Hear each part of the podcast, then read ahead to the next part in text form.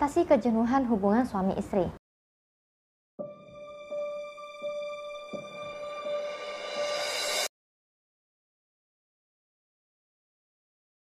Assalamualaikum warahmatullahi wabarakatuh dan salam bahagia. Seiring waktu berjalan bisa saja pernikahan mulai terasa menjemukan. Hubungan dengan pasangan pun sudah terasa jenuh.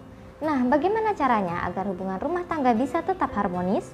Pasalnya, kejenuhan dalam rumah tangga dapat membuat goyahnya rumah tangga menuju kehancuran. Tentu Anda tidak ingin hal tersebut terjadi pada Anda, bukan?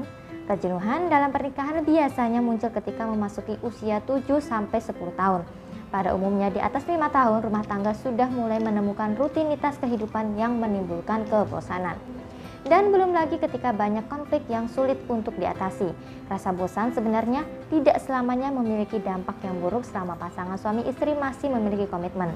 Rasa bosan bisa menjadi pertanda perlu adanya usaha untuk memperbaiki hubungan menjadi lebih baik dengan kesadaran bersama.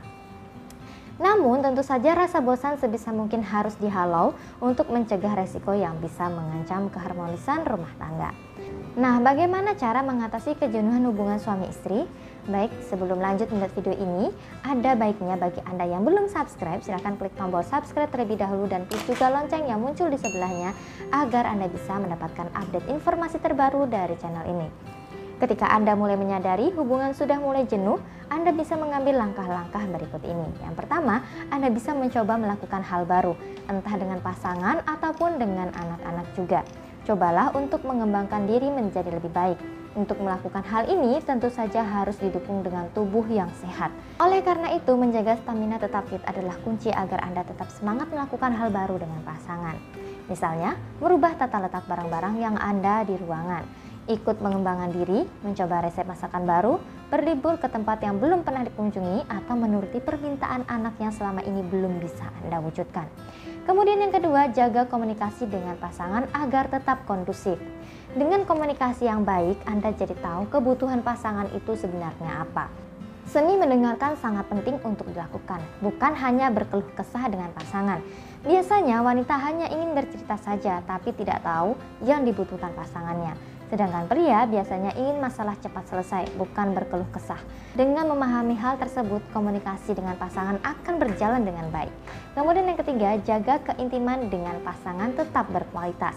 Keintiman bukan hanya sebatas hubungan badan semata, karena bahkan ketika rasa bosan muncul, hubungan intim dengan pasangan bisa terasa malas untuk dilakukan. Seiring berjalannya waktu, biasanya intensitas berhubungan intim dengan pasangan menjadi jarang. Supaya gairah keintiman muncul kembali, Anda bisa membuat waktu berkualitas dengan pasangan. Misal memijit pasangan ketika pasangan lelah, mengobrol berdua saja dengan pasangan, membantu pasangan menyelesaikan pekerjaannya, sehingga rasa untuk melakukan hubungan intim tersebut bisa timbul dengan alami. Jika Anda memiliki masalah hubungan rumah tangga Anda bisa menyampaikan dengan konsultasi melalui nomor yang ada di layar video ini atau bisa juga klik link WhatsApp yang ada di bawah video ini. Demikian video kali ini, semoga bermanfaat dan sampai jumpa lagi di video saya yang lainnya. Wassalamualaikum warahmatullahi wabarakatuh dan salam bahagia.